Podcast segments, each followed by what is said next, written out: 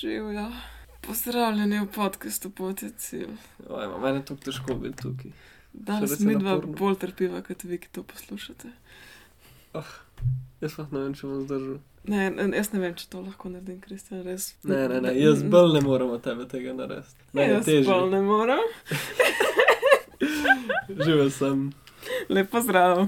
Dobrodošli v današnji epizodi Poti cilj. Danes bomo govorili o trpljenju. Ja, malo bomo pogledali, kakšno se nam zdi, da trpljenje igra vlogo v današnjem vsakdanu in pogledu na svet marsikega človeka, pa mogoče vas zraven še kakšno dodala o tem, kaj mi dva delava, da ven prideva iz tega, oziroma kakšne vzorce sva mi dva spostavila, da se ne ujameva v to pas trpljenja, ki je v resnici samo, kar se mene tiče, en pogled na svet. No. No, v bistvu smo zadnje čase opazala, opažala, kako ljudje res radi izpostavljajo, kaj vsega narobe v njihovem življenju in kako v bistvu vsi zelo radi tekmujemo, kdo bolj trpi včasih. Ne? Tako da ja, lepo povabljeni si trpniki, mučeniki in obogi, da ima skupaj raziskati to temo.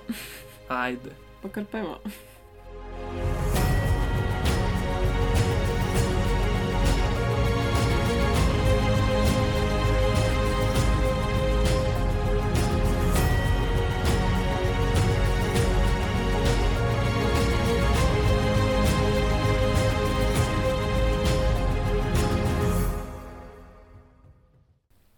Življenje je težko.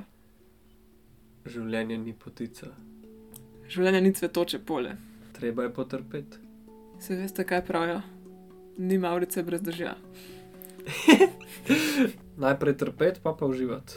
Ja, moš se ga nagrad, pa kaj pravi, krvav švic, švicet. Moraš si zaslužiti svojo srečo. Vsega lepega je enkrat konec. Dobro, jaz mislim, da bi lahko tole šla še kar nekaj časa. No. Ampak ja, v bistvu mi dva, ki se pripravljamo za te, za te eskapade v filozofiji najne, se vedno malo tako vprašava, ne, pač, kaj bi naslovila, oziroma kaj imamo eno idejo, pa se malo pogledava, kako jo mi dva vidva ali pa kje se pojavlja. In moram reči, da to tr trpljenje, ki smo prišli na njega, je bilo zelo, zelo zanimivo, kaj iz prve, jaz ne bi rekel, da tako jaz trpim ali pa ljudje okrog mene, ampak polka pa so šla malo bolj globoko, pa so takoj najdla kar tako jezik je sestavljen okrog tega koncepta, da je treba v življenju trpeti, da trpljenje je osnovna sestavina življenja, tako kot je rojstvo pa smrt. In ful zanimivo, no, kako, kako globoko nam je v bistvu to vseeno, pa bomo več se do tega malo dotaknili, no, kje vse se to ven pronica. Ja, tako kot si omenil, to dejansko promocija trpljenja se tako zelo pojavlja v našem vsakdnevnem družbi. Sploh, če pogledamo, kako so filmi narejeni, kaj, kaj mi konzumiramo vsak dan, ko gledamo kamorkoli. Ti nikjer ne vidiš. Jaz, jaz sem nikoli pogledal film, ki je bil narejen brez da so ljudje trpeli noter. Brez da bi tako vsaka stvar, vsaj na nekem koščku, bi bila prikazana kot zelo mučna, ne? kako je treba, se vsi vemo, kako gre, ne vem. Nekdo se razide, pa, pa, tr- pa, pa se trpeče gleda čez okno, pa zunaj držuje, pa pijejo alkohol, pa vsi trpijo. Pa... Vedno se vidi, kako je tako življenje, na nekem trenutku postane zelo težko, ali pa nekdo zgubi službo, pa, pa ful trpi, res. Take, take globoke slike trpljenja se vidi noter v filmu, vedno recimo. Mm. Tukaj je en primer. Ja, pa imaš pa recimo, meni je vedno zanimivo, ne, kje šale so smešne. Tiste, ki se dotaknejo človekovega vsakdana, oziroma ki so skupne vsem. In če pogledaš, kakšne šale se govorijo, so vedno tako o slabih odnosih, o slabih Hm. navadah, o nesrečah, ki se dogajajo. Vedno je nekaj tazga, kao stereotipičnega, ki smo vsi prevzeli, da to je pa ta normalnost. Ja, normalno je, da se ne štekamo več, pol, ko smo dolgo poročeni. Pa normalno je, da trpiš po desetih letih v službi do konca svojega lajfa, ker pač no, do penzije, zato ker eh, pač ti ni všeč tvoja služba in tako naprej. Ne. Pa tudi recimo zgodovinsko se dela ta nekako. em, Kako se predstavlja zgodovina, ne zgodbe, ki jih uporabljamo, so vedno tako. Ja, trpeli so v teh časih, trpeli so v teh časih, bla, bla, bla. Mogoče bojo tudi ta več za nas govorili. ja, ful je bilo to trpeče, ker še nismo imeli letečih avtomobilov, pa ne vem kaj. Ja, pa COVID obdobje, Hmm. to pa je kar trpeče. To je res, Za to je veliko res. ljudi. Ja. Ampak je res, no, kamorkoli pogledaš, vidi se, koliko je trpljenje na nek način celo opevano, promovirano in se je nama potem pojavilo to vprašanje, kaj sploh je toliko poetičnega v trpljenju in zakaj mi tako radi zbiramo trpeti. In rečem zbiramo, zaradi tega, ker jaz verjamem, da je to zbira, čeprav včasih ni zavedna in velikokrat prihaja iz naše podzavesti. Jaz še vedno globoko verjamem, da to je izbira, ker ne vem, kot pa se mi da včeraj pogovarjala, trpljenje pravzaprav trpljenje ni čustvo. To ni nekaj, kar. Čustva so normalno tako počutila. Vsak od nas ima nabor čustev, ki jih čut, vsi čutimo čustva. Ampak trpljenje ni čustvo, trpljenje ni enako bolečina, ali pa ni enako depresija, ali pa ni enako jeza. Neč od tega ni, ker ti lahko čutiš bolečino, kot bolečino, pa ne trpiš zraven. Pač čutiš samo bolečino kot bolečino in je to kot en izraz življenja, te, ali pa jezo. In je to kot dejansko, ne, to je samo pač življenje, ki čez tebe se živi, ti čutiš jezo, bolečino, strah, kjerkoli čustva. Trpljenje je pa naša izbira, kako interpretiramo to čustvo. Mhm. Ja, jaz bi to bolj opredelil kot tako moralno držo, kot mm. naš odziv ne, na neko emocijo ali pa na stimulus. Če gremo še en korak naprej. Ne. Bi reče rekel, no, da ne želim zdaj zmanjšati trpljenje kogarkoli, ki, ki si pač izbere to. Pač vsak si izbere po svoje trpljenje in če nekdo.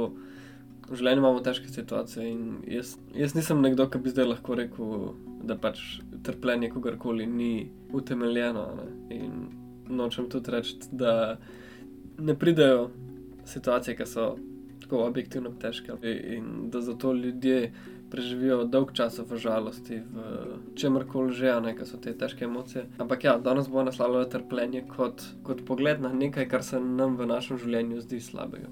Mm, ja, hvala, da si to povedal. To je res pomemben disclaimer, ker mi dva res naj namen res ni, da nobenega tako ga prizadeneva s temi besedami. In normalno je, da vsi včasih trpimo v življenju, pač res to, kar se reko. Jaz mislim, da se bolj hočemo tle dotikati in se bova dotikala tega, ja, pogleda na življenje, šta način pa tega, kako v bistvu družba promovira trpljenje in kako dejansko delamo trpljenje v nekaj poetičnega.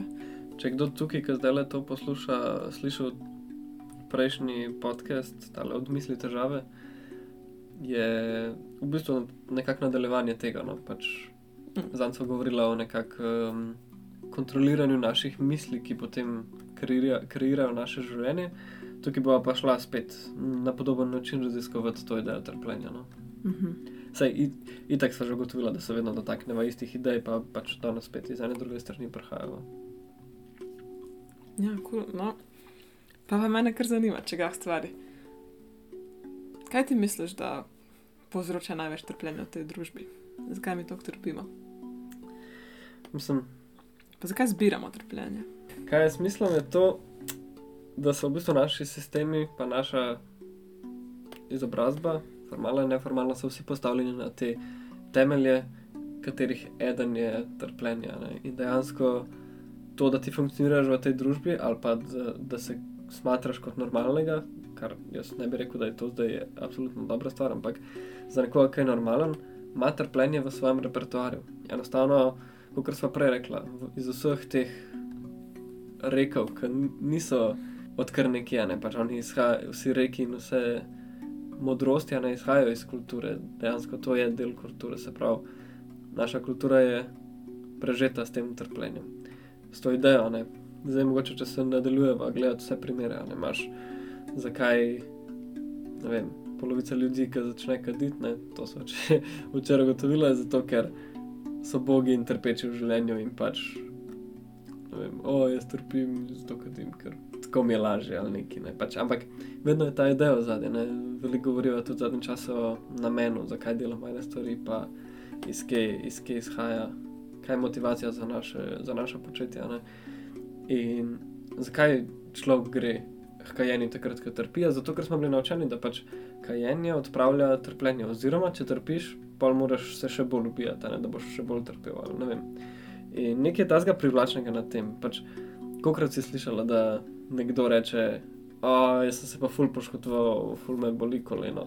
Tako naredili je toink noter. In pa nekdo drug pride in reče, oh, meni tudi, meni je še bolj naredil toink, meni je tako toink naredil me je ful zabolel. Pač. Pa sem bil dva tedna v bolnici, bla, bla, bla, bla. ampak veš, kratko, hočemo one upati, en drugega hočemo tako bolj, večjo zgodbo trpljenja ker pač v, našem, v naši družbi so plus točke, če bolj trpiš. Ne? In se mi zdi pa res tako velik, velik enega zavedanja je potrebnega, pa tako je tudi integritete, da dejansko pač ven iz tega se povlečeš, ne? da ne padeš v to igrico trpljenja, ampak da si tako, ok, Mogoče pa bi jaz v tem trenutku si nehal zbrati biti v neki luknji življenja, pa se ven povlečeš, pa pač rečeš, lej, žalosten sem, ampak pač ne ram zraven trpeti, lahko je to priložnost ali pa karkoli že, kar je to za te. Kaj bi ti rekla, odkje se to prihaja? Ja, ne vem, bolj ko sem gledala, bolj se mi tako. Bolj se mi zdi, da v resnici naše trpljenje prihaja večinoma samo iz prepričanj, ki jih naša družba da v nas. In dejansko tudi to, da mi zbiramo trpljenje včasih je pač prihaja samo iz teh prepričanj, ki jih imamo v sebi. To so vsa prepričanja, ki jih dobivamo približno vsak dan. Da nismo dovolj dobri, da nismo dovolj lepi, da je nekaj narobe z nami, da zato, da si nekaj zaslužimo, moramo ne vem, kaj vse doseči in delati, da ne vem, ne živimo tako, kot je treba. Da vse veste, pač to vse vemo, o čem zdaj le govorim, ker tega je, tega je tok in tok si bombardira strani medijev, ne vem, družbe, vsega, kar želiš. In to je stvar, ki dejansko vpliva čez podzavestno, podzavestno se v nas ustvarjajo vzorci, podzavestno se v nas ustvarjajo prepričanja in mi, mi na ta prepričanja delujemo. Mi čez ta prepričanja, to, to je v bistvu naš filter, naša očala, čez katero gledamo na ta svet. In jaz se čez predstavljam, mislim, meni se že čisto normalno iz tega zaključiti, da ljudje, ko, ko, je, ne vem, ko se ti zgodi nekaj žalostnega in ko čutiš žalost, recimo, ko jaz čutim žalost. Jaz lahko tej žalosti izberem samo gledati žalost kot dejansko izraz življenja v meni, začutiti to lepoto občutka žalosti in jo predelati in spustiti, ker žalost je lahko tudi nekaj lepega. Mislim, vem, da se zdaj sliši tako zelo poetično, če to rečem, ampak žalost je lahko nekaj lepega, če se, no, če se pač naučimo povezati s tem svojim bistvom in dejansko dojemati samo to kot en čisto avtentičen izraz življenja v nas. Ampak mi velikokrat zberemo, da bomo to žalost interpretirali kot trpljenje. Možno zato, ker smo naučeni, da žalost je negativno čustvo, ampak tudi zaradi tega, ker, ker vseh naših prepričanj sledi pač ven, da nismo vredni, dovolj dobri in tako naprej. In si zaslužimo trpeti. Tudi jaz mislim, da sta naše prepričanja zelo tak, tak zero ground, na katerih se potem zgradijo vse misli trpljenja in bolečine. Ja, zanimivo.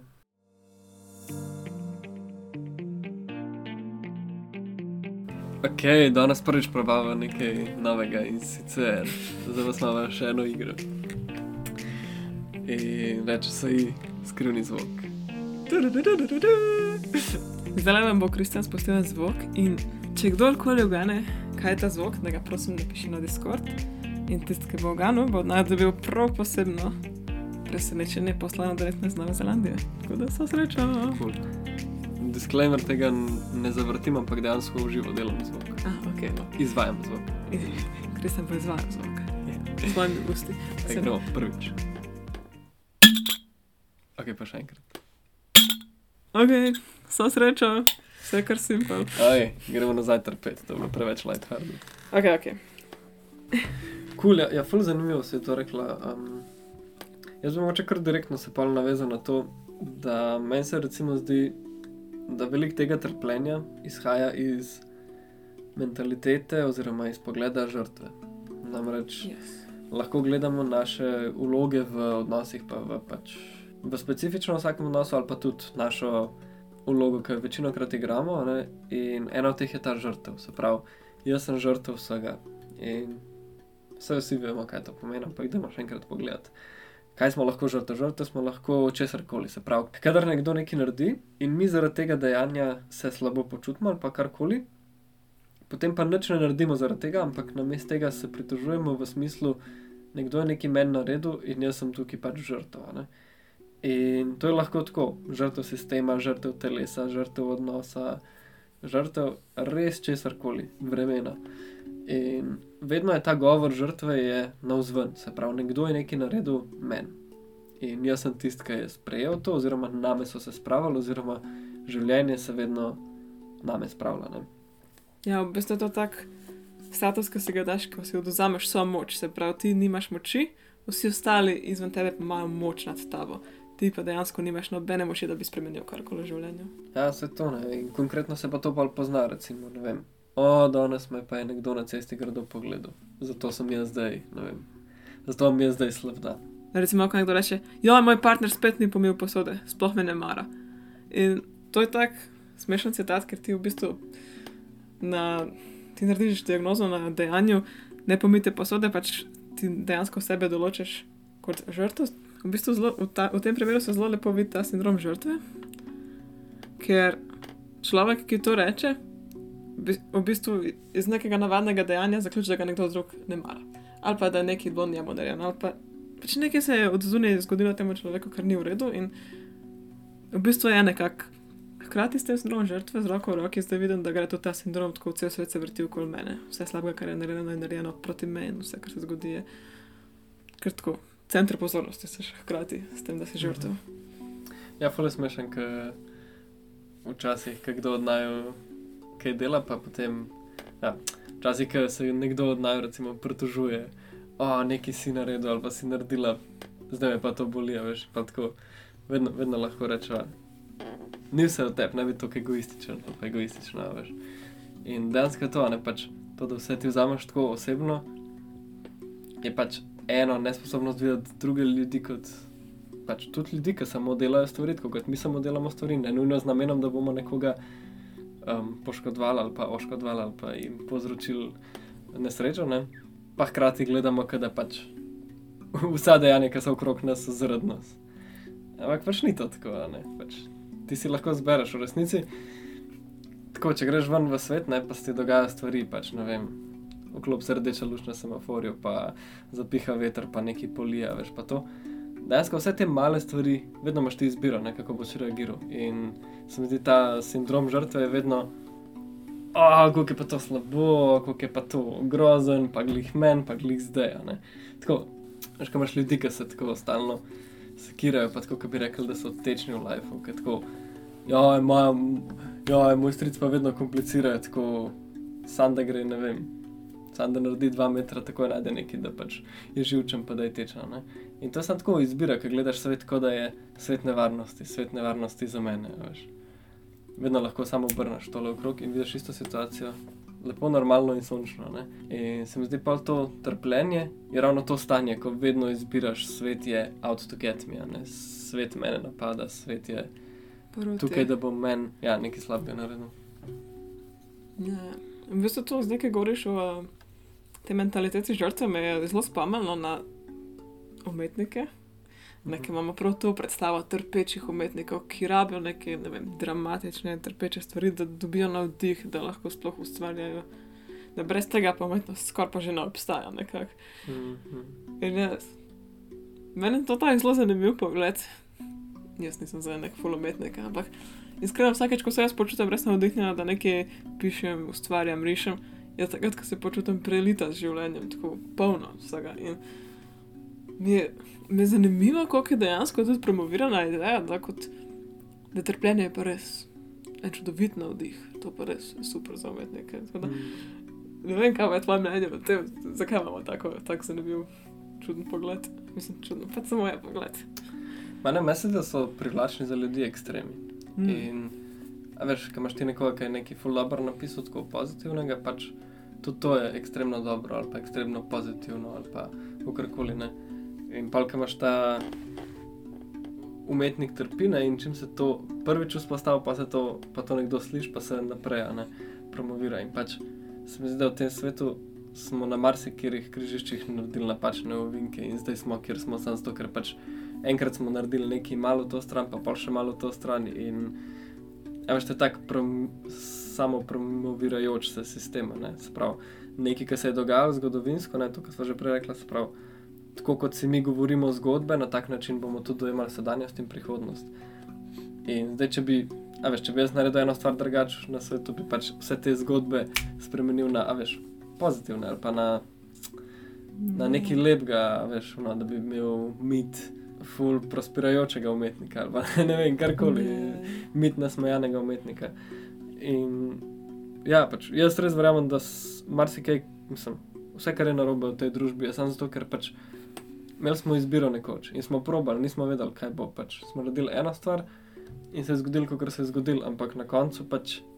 Zdaj, ne, če pogledamo, vidimo, da mogoče bilo pa bolj za ljudi, pa za vse, za cel svet, da bi naredili nekaj drugega. Tako čist neumestno, ampak recimo, a veš, ker so se avtomobili začeli delati okrog 1900, recimo, masivna proizvodnja. Takrat je bil model električnega avtomobila narejen tako, delujoč, pač tam tam je bil z dizlom. Ampak enostavno takrat smo se odločili dizle delati ne?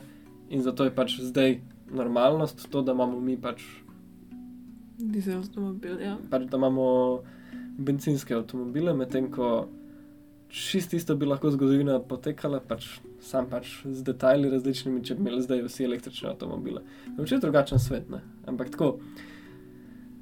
Ja, veš, ne, ne bi jaz nikoli za take velike stvari, kot so pač trpljenje, krivil tako, en, enega samega vzroka, zato ker je to Ja, tako ja. taka dolga in prepletena zgodovina. Tudi recimo, meni se ne zdi fair, a veš, recimo brezdomci, pa ljudje, ki so padali v velike stiske, pa ljudje, ki imajo Mhm. velike nesreče v. No, predvsem tako revni ljudje nasploh. Ne? ne moreš ti kriviti zdaj enega revnega človeka, pač ja, ti si naredil slabe odločitve, ti nisi dovolj delal. da me- Ja, mogoče je vse to res. Ampak, ko pogledaš veliko sliko, to, da je recimo, ne vem, več deset procentov populacije, ki so slučajno, ne vem, črni v kakšnih državah, ali pa ki so slučajno neke etnične manjšine, ali pa zgodovinsko zatirane rase, ne, da so pa oni tisti, ki imajo največ denarnih, mentalnih, zdravstvenih problemov. To pa ni več tako problem enega človeka, ampak to je problem celega, ja trpljenje skupine, v bistvu cele, cele družbe. cele družbe. Točno Ja. to. Ja. In dejansko pač verjamem, da trpljenje je samo sindrom tega, da je pač družba na robe zastavljena. Pač mi promoviramo napačne vrednote, mm. pa Mhm. mi se ukvarjamo z isto zgodovino, ki je pač zgodovina trpljenja.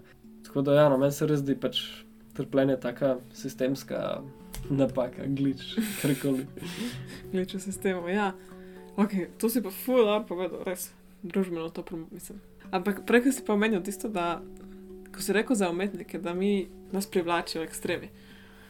Mi da tudi misliti, in se spomnim, da vre, mislim, ljudje imajo verjetno tudi radi trpljenje, ker nekako te poživi, tako počutiš se zelo živ, zelo je tak Mm. Zelo tak adrenalinski šport, zelo globoko trpeti, ker se take, take odzivi, ti do, fiziološki odzivi dogajajo v telesu, da dejansko se počutiš mnogo bolj živega, mnogo bolj Mm. odzivnega, mnogo bolj tako alert. Mm. Pač Vse se premika v tebi. Samo ni prijetno, pač stresno je, je pa živo. Mm. Kaj pa to, se ti zdi, da recimo pač to, da zbiraš trpljenje, ne, to v bistvu priznavaš, da nimaš moči, se pravi. A se zdi, da je tudi to komponenta tega, da dejansko rečeš, oh, jaz nič ne morem. Jaz nič ne morem narediti, jaz sem tukaj, jaz bom trpel, bla, bla, bla, in to je to pač. To ima realnost, veš, sam daš na moč stran in In imaš si, trpljenje. si oproščen, ja, kao. Sam sebi daš free pass, a veš. Ja, vse to je res, ker mislim, jaz sem čez sebe govorila, ampak jaz mislim, da vsako da se to že začuti v življenju.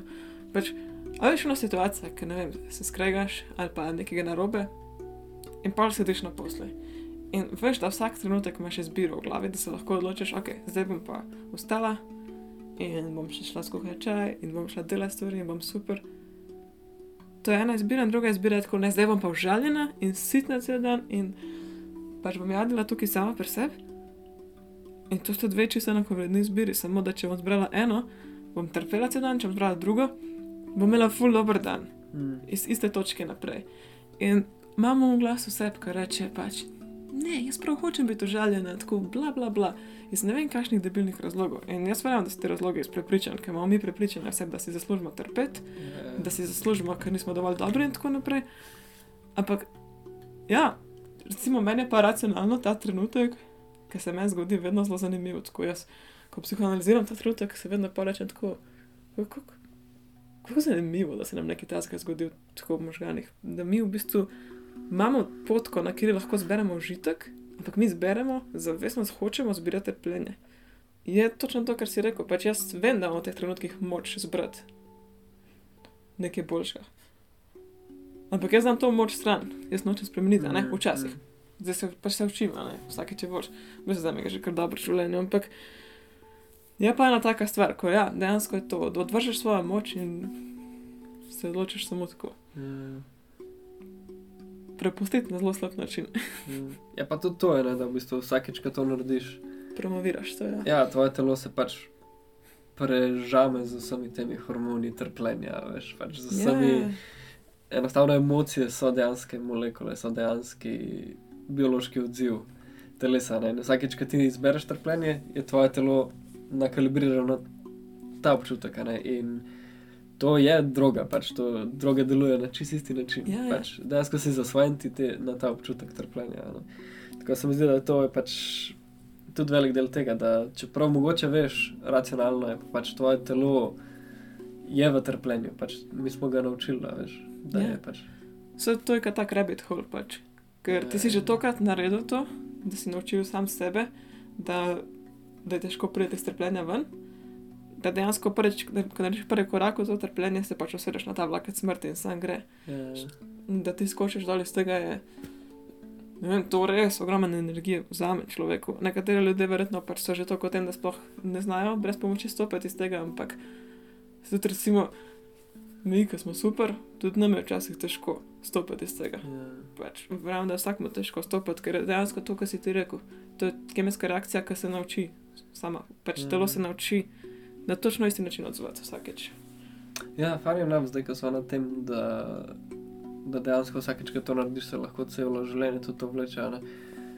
Pol zdaj, ko malo razmišljam o tem, pač dejansko, ko imaš ti, ko se ti to dogaja celo življenje, ko si ti vsakeč sproti zbiraš trpljenje, se mi zdi, da se to začne potem. Enkrat se nasičeš s trpljenjem, in potem začneš pa navzven to delati. Bodi si se to prelijo v nasilje ali pa v tako mm. Blejmanje drugih, ne sprav obtoževanje vseh okrog sebe, da so taki kot so in da si ti zaradi njih tak, kot si. ne, tako. Vse to je še vedno ta eh, žrtev drža, ampak se mi zdi, da od začetka zna biti čist taka in, interna zadeva, potem pa kar naenkrat se pa prelije, pa, pa se mi zdi, da se to kar eskalira. Veš, vsakeč, ko ne predelaš tega, da ti v bistvu trpiš, pač rečeš, lej, ti si to naredil.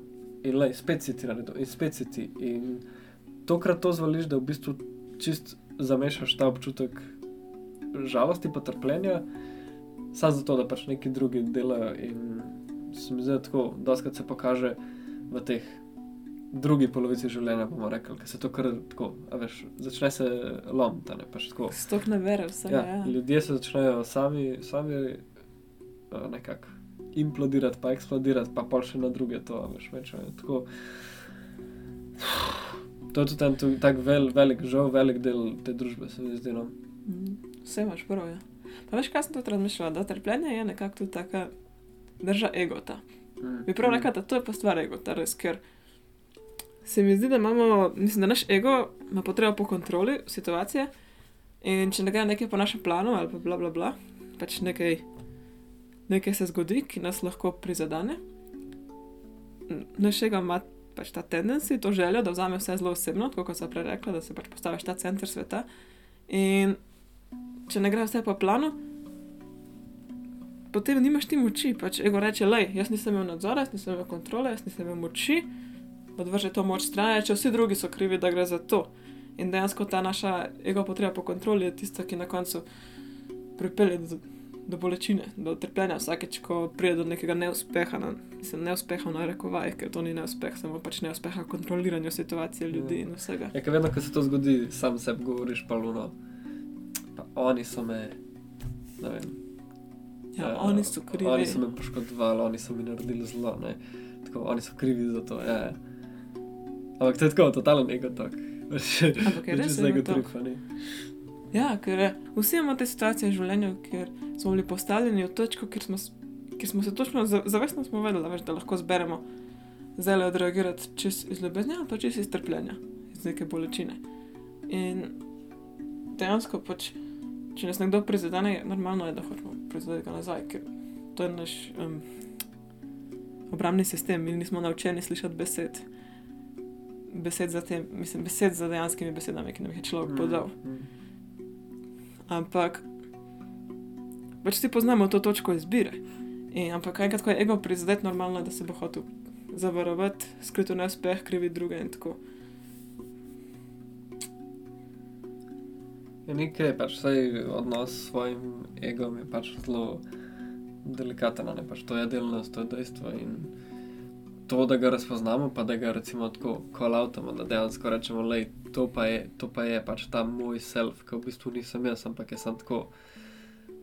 Nekaj Nekdo, ki rab ta kont to kontrolo, pa ki mora biti najboljši, pa ne vem kaj veš. Ker rečeš, ok, le v bistvu to sploh ni moja vrednota ali pa moja potreba, pač to je čisto. kar od nekje in potem pač ugotoviš, ok, to je od kulture, to je od staršev, to je od česar koli. Pač, pa lahko to predelaš, ne? ampak dokler pa nisi tam, pa pač ful lahko je, veš, pada to tono. Ja, se- je zelo zanimivo, da govorijo o tem ego, v, e, o egu. Ker jaz načeloma sploh ne maram uporabljati te besede, ker moram reči, da tudi meni se zdi tako otojena. Vse vem, kaj predstavlja in razumem tudi, kaj govorim zdaj, ker to mislim. Ampak vse se mi zdi, da ego je taka ideja v naši družbi, ker ne vem, velika lahko zelo narobe razumljena tudi. Ja, ja. Ampak tukaj ga uporabljamo samo kot pač nekdo, ki je prizadet, ki ni, ja. Ja, ni sposoben empatizirati s tem sogovorcem ali pa svetom nasploh, ki ni sposoben reči, da jaz Videti, nisem edini na svetu. pa, jaz. Ja. hvala, da si to povedal, super. No, vse mogoče, klej, smo se že tako stokrat dotaknili, pač tako, kaj bi ti rekla, da je rešitev, oziroma kako pač. Kako stopiti ven iz trpljenja? Mogoče čez za vsakega, ki zdaj to posluša, pa bi rekel, da jaz v bistvu ful trpim, vse, kar ste zdaj opisovali, to sem jaz, pa zraven kadi cigaret. Pač, Če še kozaček vina. ja.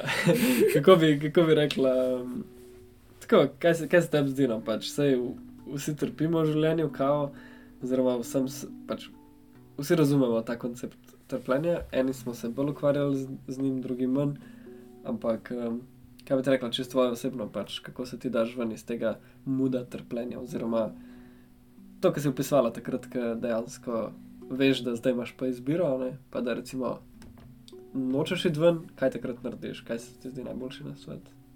Ja, jaz vem, da takrat vse v meni govori, ko nočem iti ven iz tega, bla, bla, bla, se hočem smeti sama sebi. Jaz, ko se znajdem v teh situacijah, ko dejansko želim zavzeti, zavzeti to držo, smerjam se sama sebi, Boga in tako naprej. Vedno mi je zelo težko iz tega, vem, da porab ogromno moje energije, da prijemem, ampak zdaj sem se naučila, kako se to naredi in dejansko si glasno, na glas sama sebi pokažem, rečem, ok, zdaj je bilo pa dosti tega, zdaj bom pa to spustila in grem naprej. In res pa ne moram, da se v glavi rečem, na glas si rečem tako.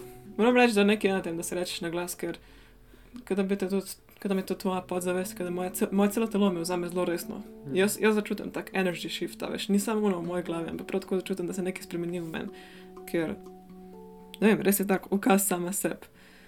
Ampak to je moj način, kako se delam s tem. Lahko kdo proba, verjetno so ljudje že probali to. Hmm.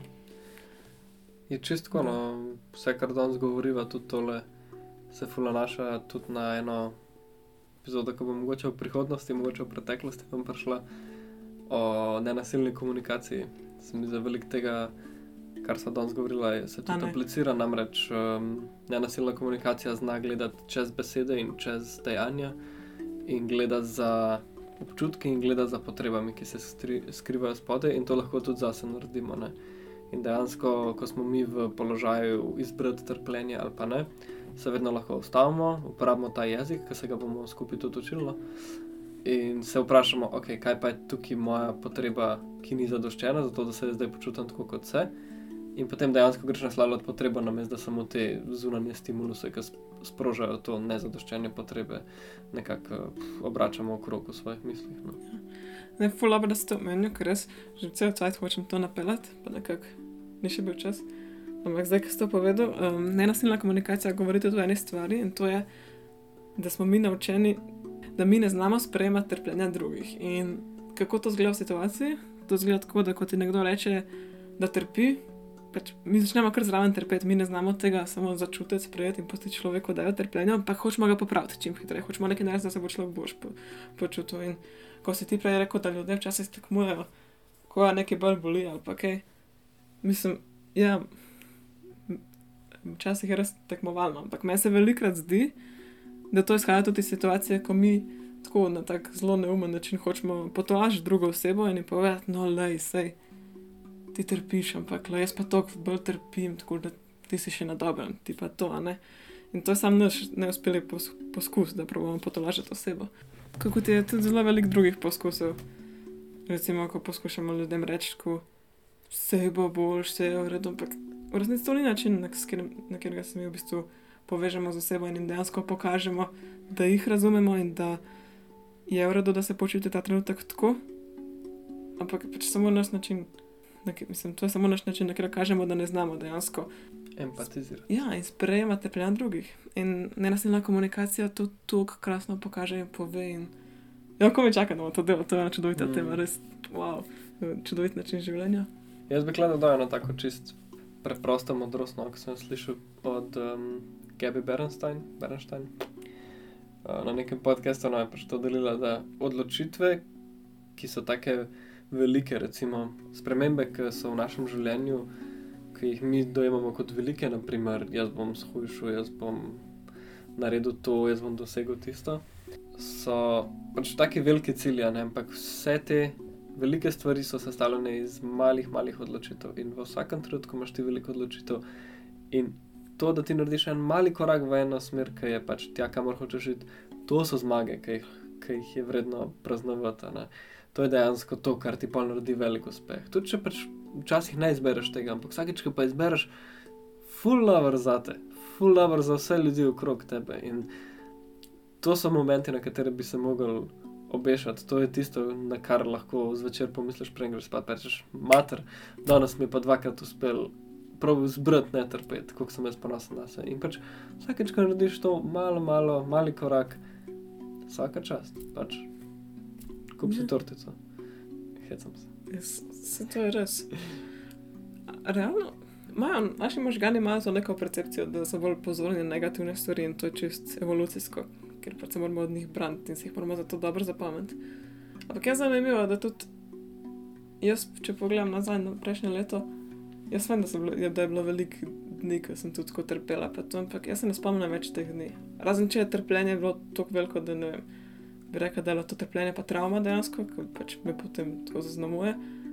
Ti za trpljenje se spomnim, ne spomnim se pa trpljenja, ki je pač manjše vsakodnevno trpljenje, čeprav vem, če berem moje knjigice, in tako, vem, da, nazaj, da, da so bili taki dnevi, ki sem jih zelo pretrpela. Ampak zdaj vidim samo tako čudovito, čudovito leto, ki sem ga imela v resnici. Ne? Mm.